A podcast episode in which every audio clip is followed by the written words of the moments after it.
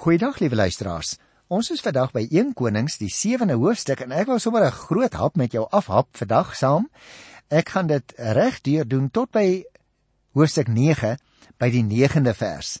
Die rede waarom ek dit doen as jy in die Bybel sou kyk en jy sien daar word baie gepraat van die mate, nie net van Salomo se paleis nie, maar ook nog van die tempel en daar word ook geweldig baie melding gemaak van die detail van die voorwerpe wat gemaak is en wat beide in die paleis en in die tempel neergesit is.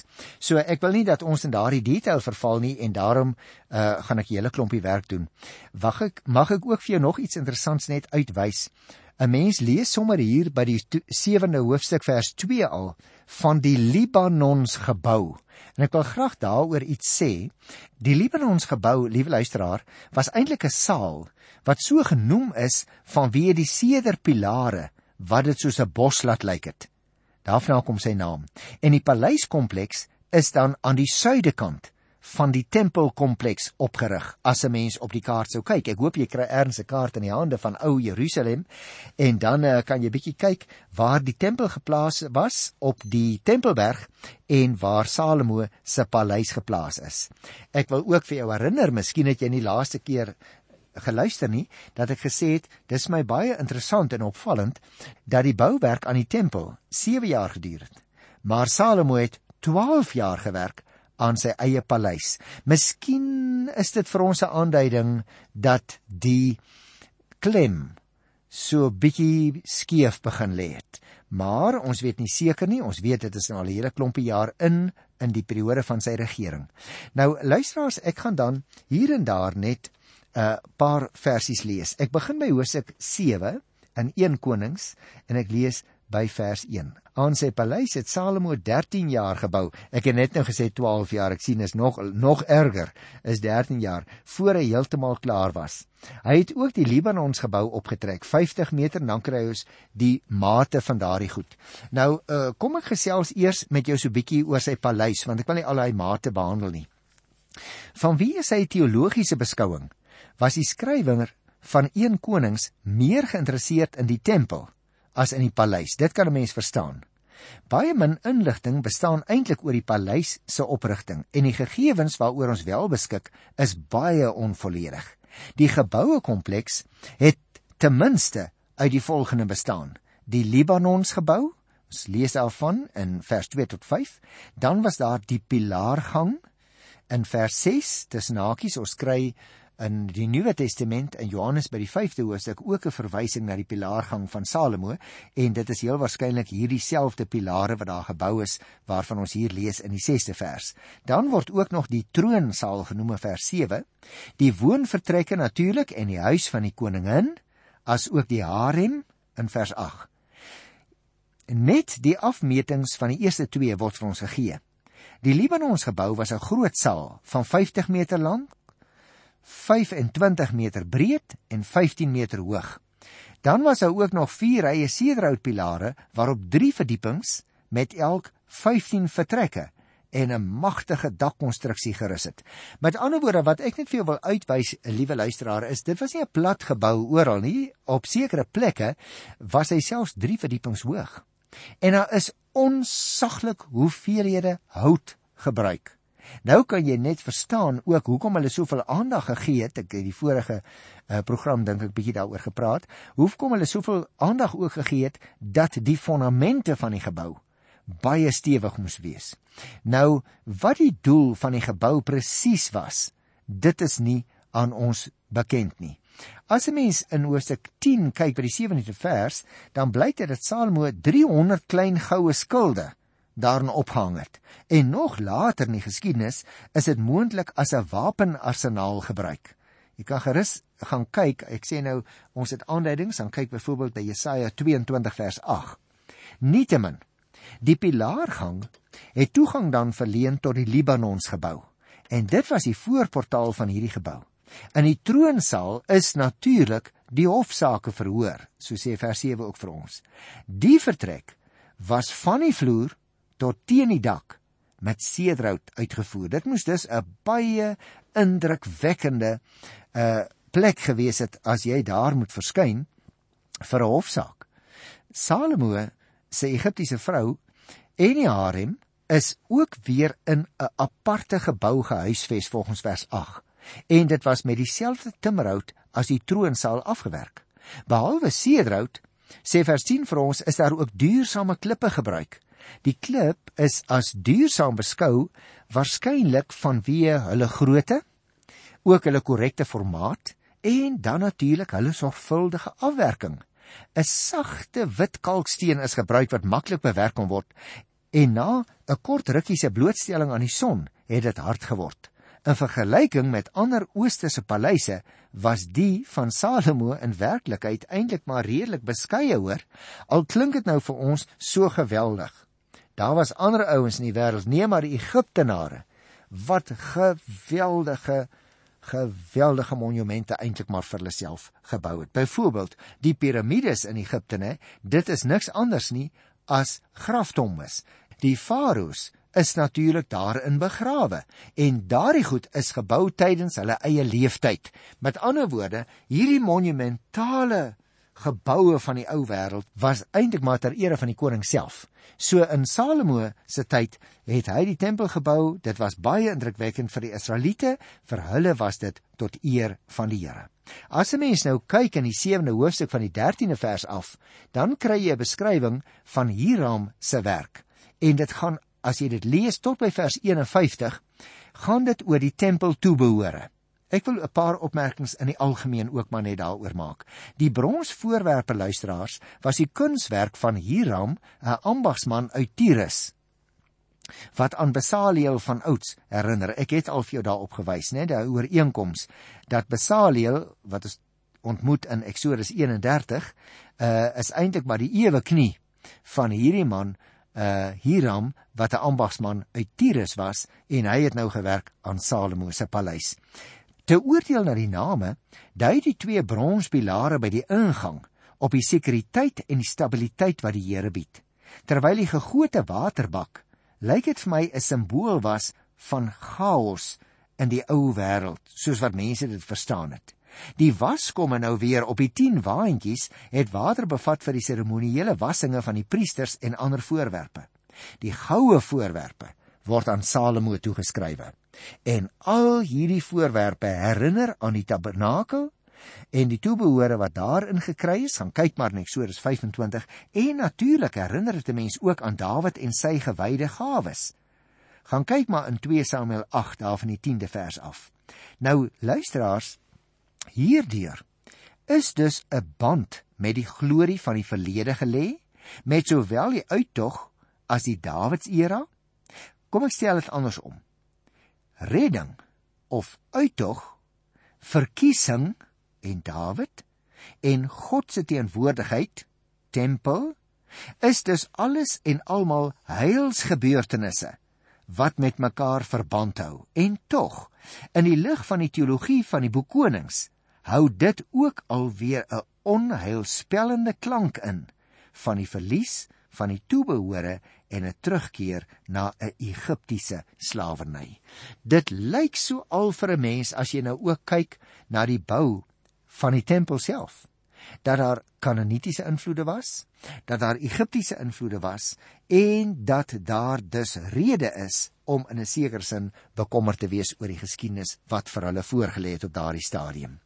Nou luisteraars, wil ek so klein bietjie aandag gee oor die ark wat in die tempel gesit word. Uh en nou ja, hoofstuk 8 uh beslaan 'n hele 66 verse en ons lees ook daarvan uh hoe dat die tempel nou gewy word aan die Here. En ons moet onthou luisteraars, Salomo se optrede was nie maar net 'n demonstrasie van sy vroomheid nie, maar die vergestalting van die godsdienstige belangrikheid van die tempel vir die Israeliete. Hulle het daarin die simbool van God se teenwoordigheid onder hulle gesien. Kom ons kyk dan uh so 'n bietjie daarna en ek wil eers vir jou agtergrond gee van hierdie gebeure waar die ark nou vir die eerste keer in die tempel geplaas word. Ons moet onthou luisteraars, die plasing van die ark in die tempel was regtig van baie groot godsdienstige betekenis nommer 1. Dit was 'n nasionale eenheidssimbool waardeur verhoed is dat die stamsimbole tot spanning kon lei. 'n tweede belangrike aspek. Dit dateer uit die uittog era en bind dus die tempel aan die ou heilstradisies van Dawid. Derdens was dit die simbool van die Here se teenwoordigheid, sodat die tempel nou hierdie funksie oorgeneem het.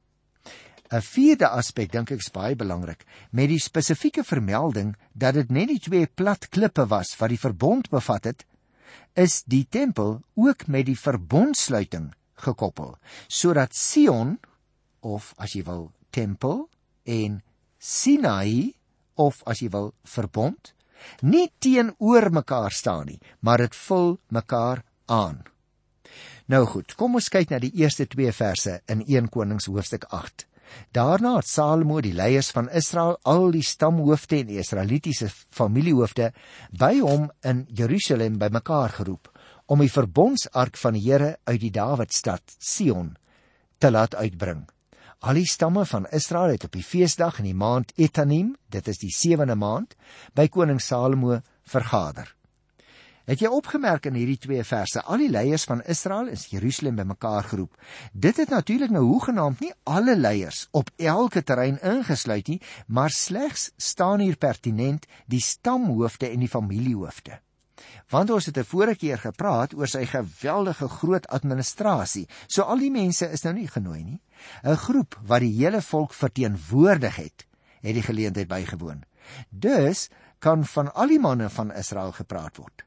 Sion dui natuurlik meer op die vesting Sion, terwyl die Dawidstad meer as net Sion ingesluit het. Die maand Etanim wat ons hier kry, was die 7de maand. Nou, Aangesien die tempel in die 8ste maand van die vorige jaar voltooi is, het Salomo amper 'n jaar gewag voor hy die tempel ingewy is. Die vraag is natuurlik nou, hoekom? Miskien moes klein afrondingswerkies nog gedoen word. Ek dink dis 'n logiese afleiding. Dit is soos iemand wat 'n huis laat bou, maar hy kan nie dadelik intrek nie waar ons nog afrondingswerk om te doen. En dalk wou hy ook vir die regte oomblik wag. Wat dit nou sou wees, dit wil ek nou nie oor spekuleer nie. Nietemin, die feesdag wat in die eerste 2 verse genoem word, verwys natuurlik na die Hittefees. En dit is hoekom hy dalk gewag het vir die regte tyd van die jaar. Uit vers 3 tot 9 gaan ek so 'n stukkie lees, maar nie alles nie.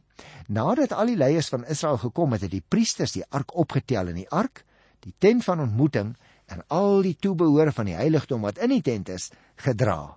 Die priesters en die leviete het dit gedra. Koning Salomo en die hele gemeente van Israel wat saam met hom voor die ark was, het soveel kleinvee en beeste geoffer dat dit nie getel of bereken kon word nie. Nou goed, kom ek maak hiervan ook 'n opsomming tot by vers 9 luisteraars.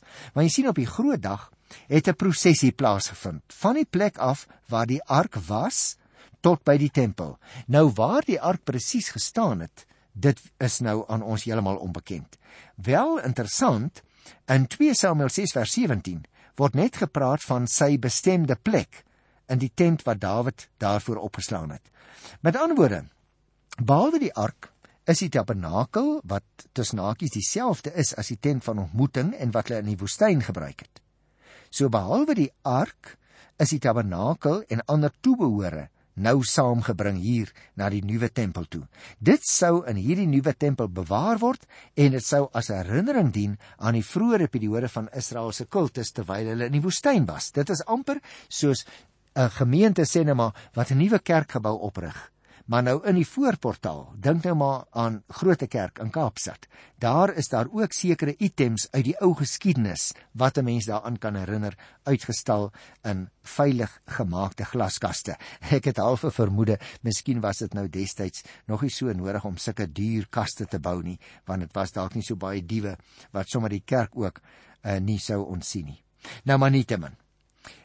Salomo is aan gevolg deur die priesters en die leviete wat die drawerk gedoen het. Agter hulle het die leiers van die volk geloop. Dis interessant dat musiek en sang ontbreek het. As jy nou gaan kyk in vergelyking met 1 Samuel 6 van die 11de vers af. Nou, toe die prosesie nou voor die tempel kom, het hulle eers gaan staan. Nou word die groep, kan jy die prentjie teken?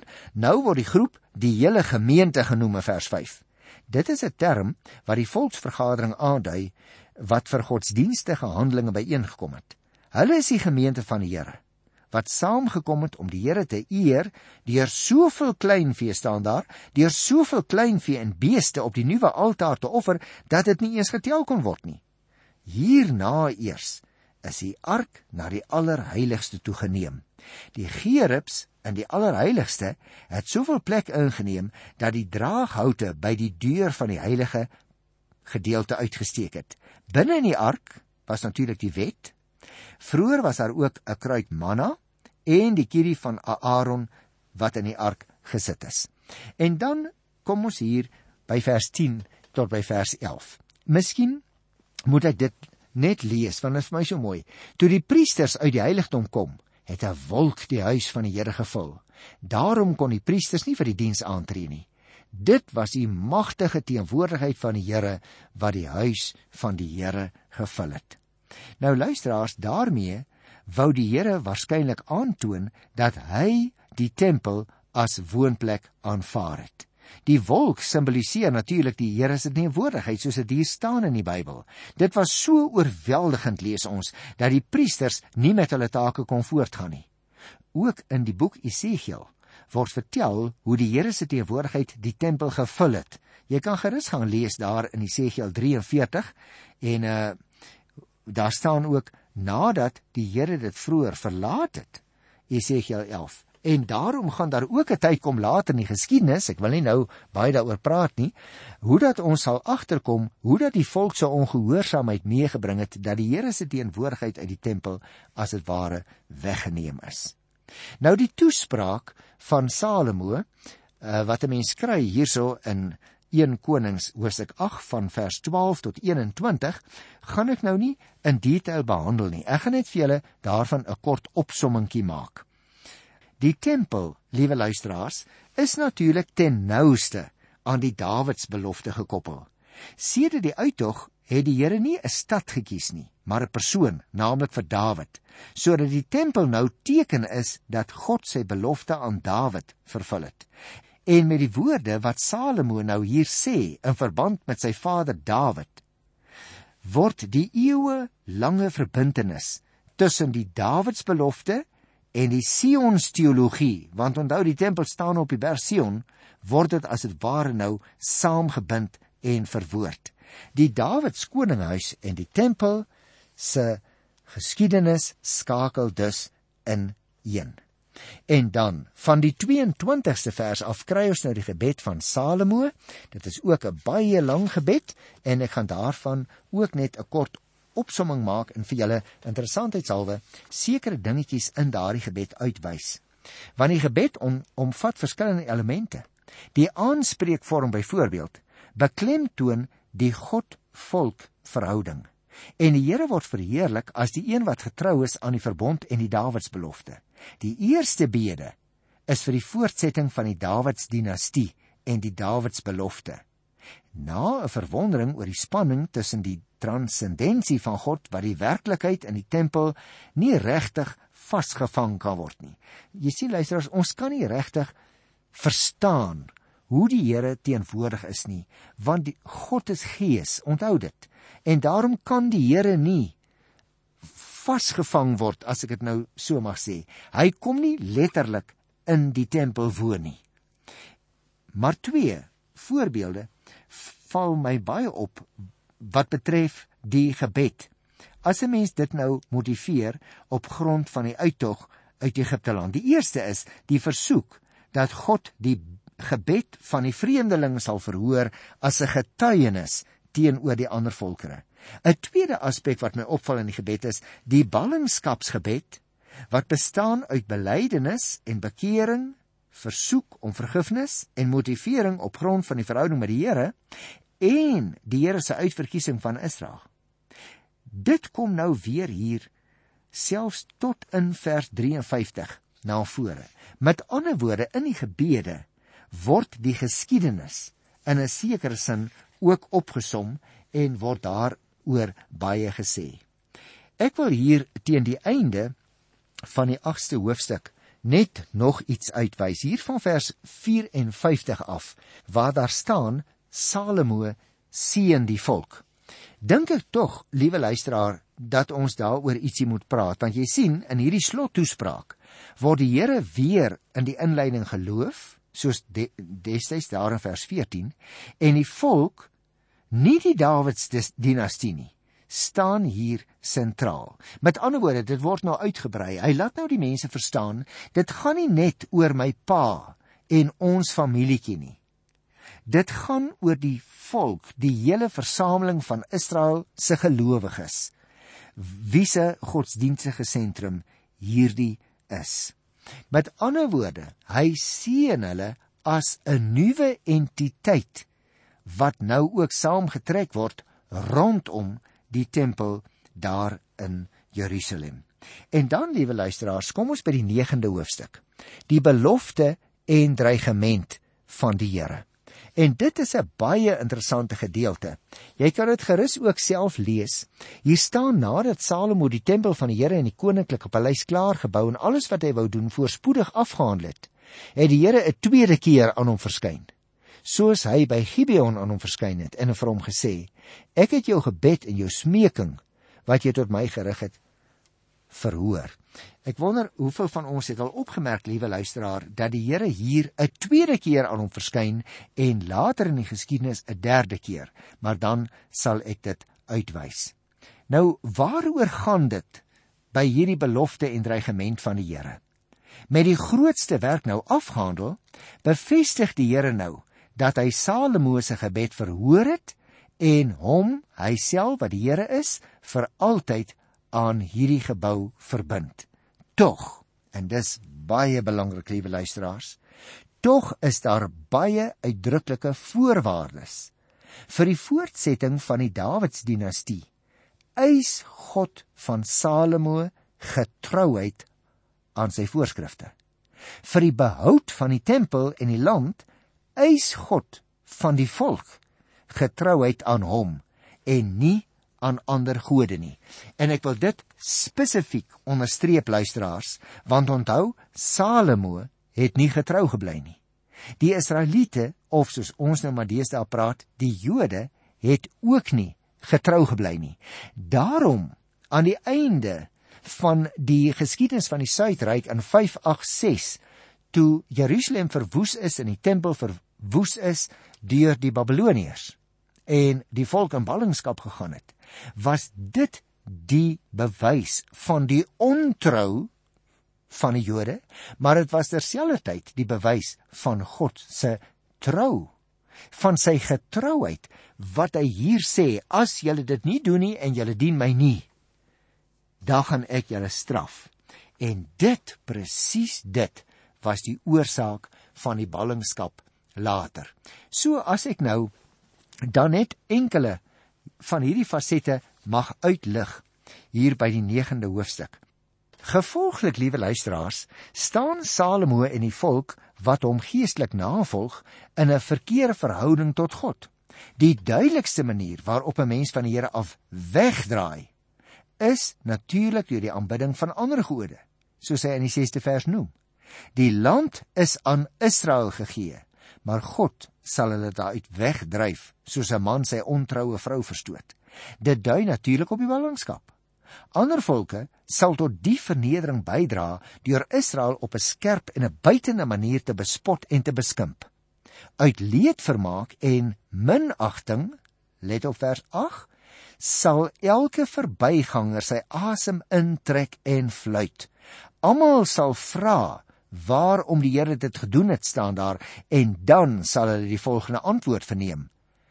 Die Here het hulle voorvaders met 'n magtige daad uit Egipte verlos en met liefde begelei, maar desondanks het hulle hulle aan ander gode verbind en voor hulle gebuig en hulle gedien, sê vers 9.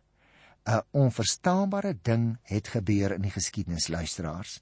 God het so baie vir sy volk gedoen en nogtans het hulle God verlaat.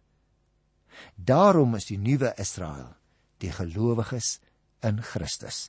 Gaan lees maar in 1 Petrus 2 by die 9de vers. En op hierdie positiewe noot, liewe luisteraar, groet ek jou in die wonderlike wonderlike naam van Jesus Christus die Here wat nie in 'n gebou meer of beter woon as daar in jou hart persoonlik by jou nie.